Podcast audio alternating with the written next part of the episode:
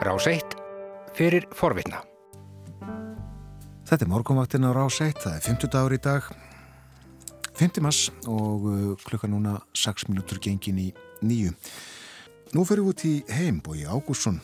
komin hingað í uh, hljóðstofu nummer 5 og uh, sestur við heimsklukkan. Góðan daginn. Góðan dag. Við horfum í austur og vestur í dag og kannski í fleiri áttir. Eh,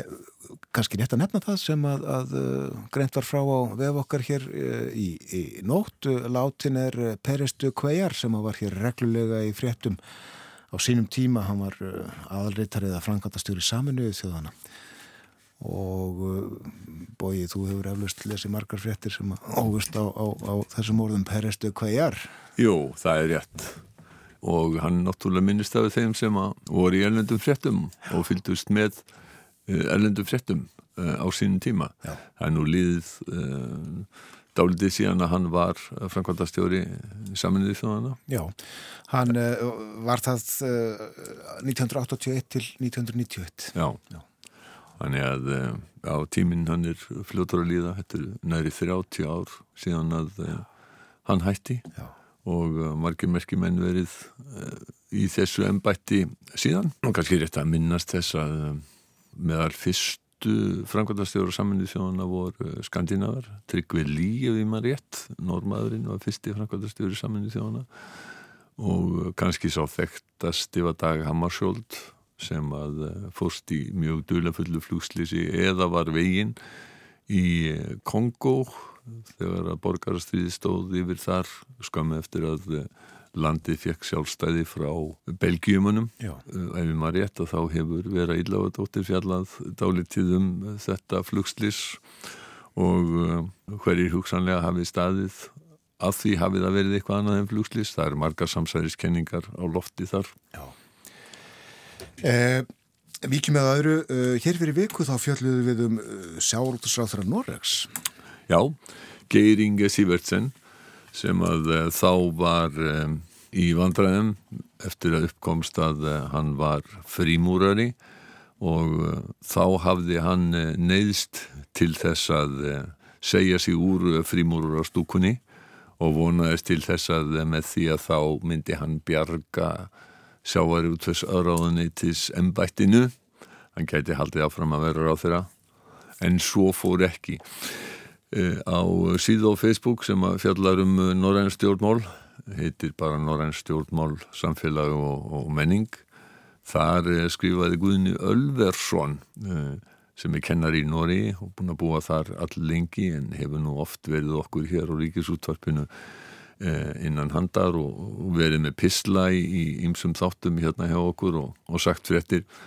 Hann, hann skrifar þar að það hefur gengið illa að manna sjávar út þessar á þeirra stólinn í tíð hægri flokksins og Ernuður Solberg. Nú er sá 50 í röðinni senstur í stólinn til bráðabyrða. Það er Torbjörn Rói Ísaksen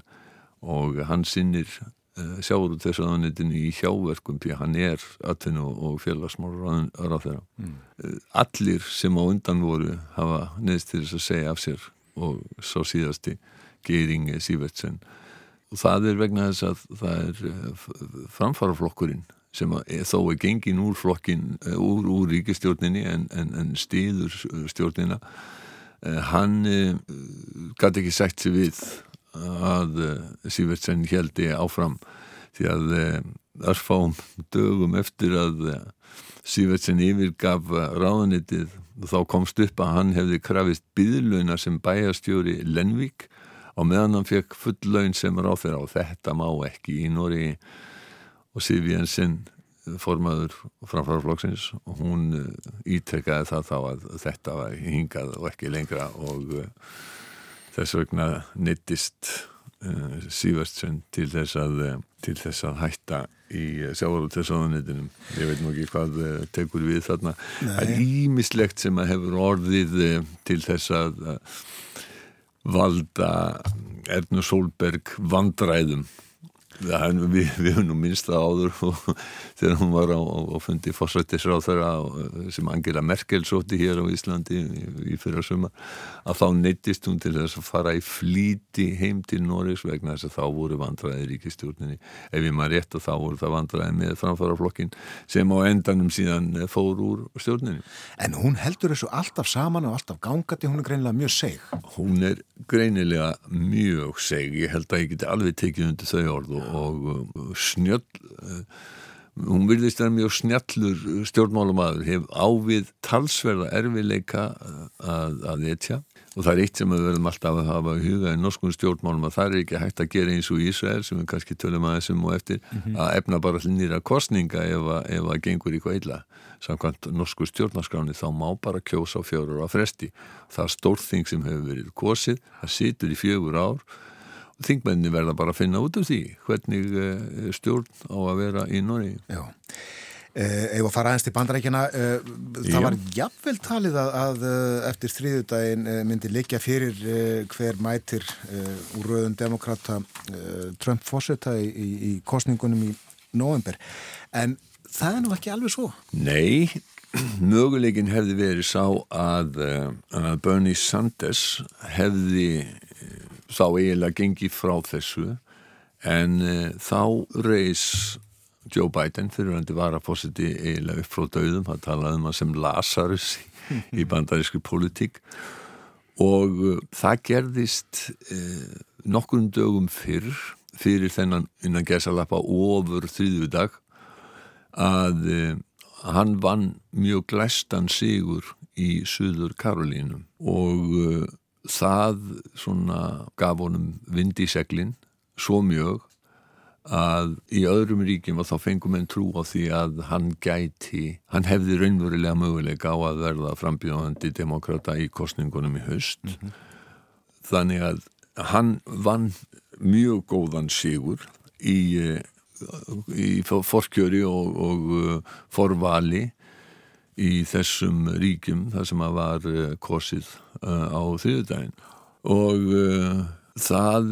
hefur breytt myndin í algjörlega. Nú telja menn bara að þetta standi á milli hans og Bernie Sanders Elisabeth Warren er að öllum líkindum já hún kannski verður eitthvað aðeins áfram með en, en það er orðið eiginlega algjörlega vonlust að hún geti að hún komist eh, eitt eða neitt. Hún er með núna ef ég maður rétt 30 landsföldafullur og ég er svona að blada hérna í, í blöðum mínum til þess að reyna að finna yfirliti sem að ég hafði prentað út yfir hvernig staðan er núna. Mm -hmm. en staðan er núna akkurat þannig að, það, að Joe Biden er komið með fleiri landsfundarfulltrúa á landsþing eh, demokrata sem að verður í, júli og uh, það uh, og þar mjög skömm og eftir er, um, er uh, Bernie Sanders er ekki búið að klára talninguna í Kaliforníu sem er langstæsta ríki sem að kostið var í en það alla líkur á því Bernie Sanders vinni þar en um, Joe Biden vann í Texas sem er næstæsta ríkið næsta þýðudag, 10. mars þá verða, verður aftur prókjör og það verður svona í, í mjög mörgum ríkjum eða í mörgum ríkjum, það er í Michigan það er í Washington, Missouri, Mississippi Idaho, Norður Dakota og uh, Michigan er uh, stærsta ríki þar þar er uh, 125 landsfundar fulltur og kjörnir síðan 17. Uh, mars þá kemur annars stort ríki, það er Florida og þá er kosið í Illinois uh, er, og Ohio og Arizona síðan heldur þetta áfram 24. mars verður uh, uh, kosið í, í Georgíu og 29. mars í Puerto Rico og síðan er þetta svona koll af kolli og síðan er annað mjög stórt ríki ekki fyrir enn 28. april og það er New York menn telja hugsanlegt stjórnmálaskynundur í bandaríunum að þetta endi nú þannig að þetta verði ekki klárt þegar það verði komið á uh, flokkstingið þannig að það verði það sem að þeir kalla contested convention að verði þá uh, átök og það verði kosið um þetta á, um, á flokkstinginum Svo segir eh, Bernie Sanders og hans stuðningsfólk, þau segja að um, nú hafi flokkseigandafélagið í demokrataflokknum, þeir sem ekki vilja sjá inn að gesalappa sósialistan,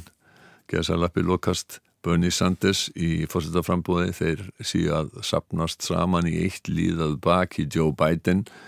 Benda á það að Michael Bloomberg fyrir hundi borgastjóri New York sem er eh, marg, marg, marg miljardamæringur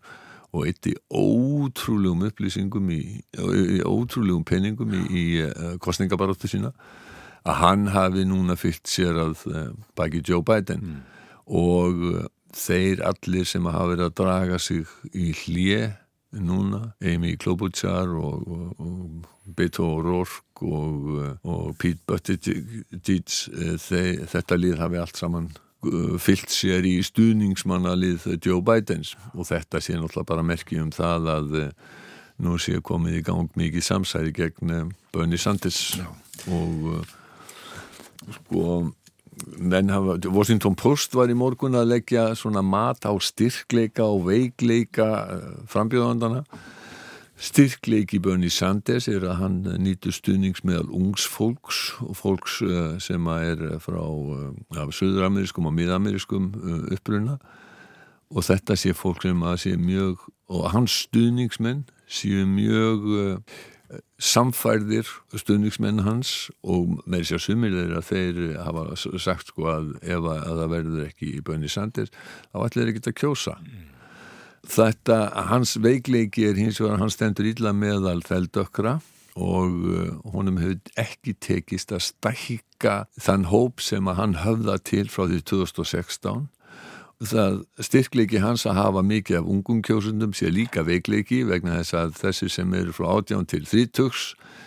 þeir eh, bæði 2016 og eh, núna mæta kannski í prófkjöruður til í það en svo komaður ekki kostningarna þannig að eh, það, þeir skilja sér ekki á, á, á, á kjörda hins vegar eru styrkleikar Joe Bidens að hann nýtur meðal, mikil stuðnings meðal þeldokra og hann hefur unnið allstaðar þar sem að þeir eru þar sem að stór hluti kjósenda er þeld okkur mm. og uh, fyrsta dæmi var náttúrulega Suður Karolína og sem að gaf honum vindi í, í seglin þar sem hann þarf að passa segir Washington Post á þessu módni hann þarf að passa sig á því að uh, verða ekkit á í messunni mismæla sig ekkert eins og hann hefur gert og uh, hann verður líka að sjá til þess að uh, hann uh, missi ekki Bernie Sanders fram úr sér. Það þarf tæmlega 2000 stuðning 2000 landsfundar fulltrúa uh, til þess að fá útnefningu sem fórseta frambjöðandi demokrata í fórsetakostningur um höst og eins og ég sagði aðan, það er óvist hvort að það takist fyrir þennan tíma. En skamt stóra högga á milli, uh, næst forval í uh, mörgum ríkjum uh, á þriðu daginn næstu viku. Já, Michigan, Washington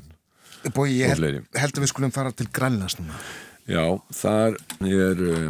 þar eru komin upp svona me too mál getum við sagt og það, þetta byrjar á því að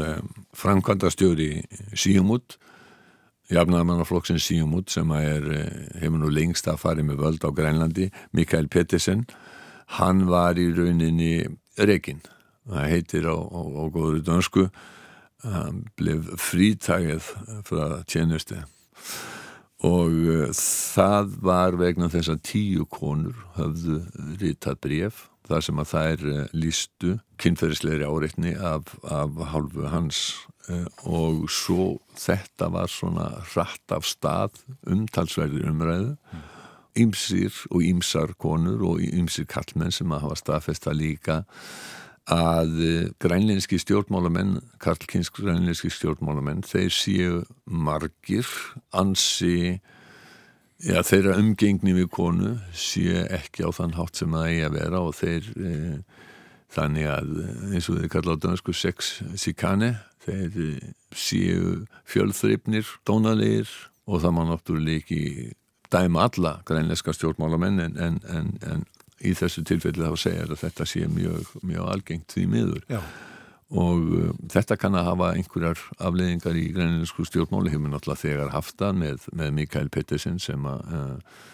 þurfti að, að láta af ennbætti og sögurnar sem er í þessum brefum þess að konu segja þær eru náttúrulega dálítið típiskar svona MeToo sögur sem að hluti sem að maður bara vil ekki heyra og, og, og, og finnst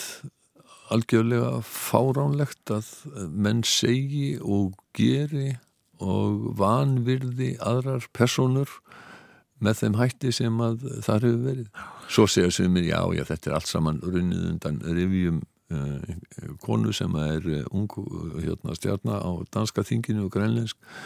og þetta sé sko innanflokks átök og svo er aðeins sem segja, nei, þetta er ekki það. Nei. Þetta er bara hreinlega að maðurinn kom fram á þann hátt sem ekki, og fleiri grænlíski stjórnmálum kom fram á þann hátt sem, sem ekki á að koma, að koma fram. Og gott að þetta sé komið upp á yfirborðið. Gott að þetta sé komið upp á yfirborðið. Ég ætla aðeins að minnast á það að Flybe uh, innanlandsflugfélagið í, í Breitlandi fór á hausin í gerðkvöldi eða fór í greiðslustöðun heiti það og menn segja, breyta að segja að þetta sé aflegging hérna, COVID-19 vírusins vegna þess að eh, eina af afleðingunum er að það hefur dreyið mjög úr bókunum hjá flugfélugum dæmis, og hjá hótelum, ég sá til dæmis í frétti BBC í gær. Þar var hótel á Ítalið það sem að þeir fór inn á það sem að var engin og bókanir hafa dreyið saman um 90% mm. og þetta getur haft mjög alvarlegar afleðingar í, eh, ekki síst fyrir eh, ferðarþjónustuna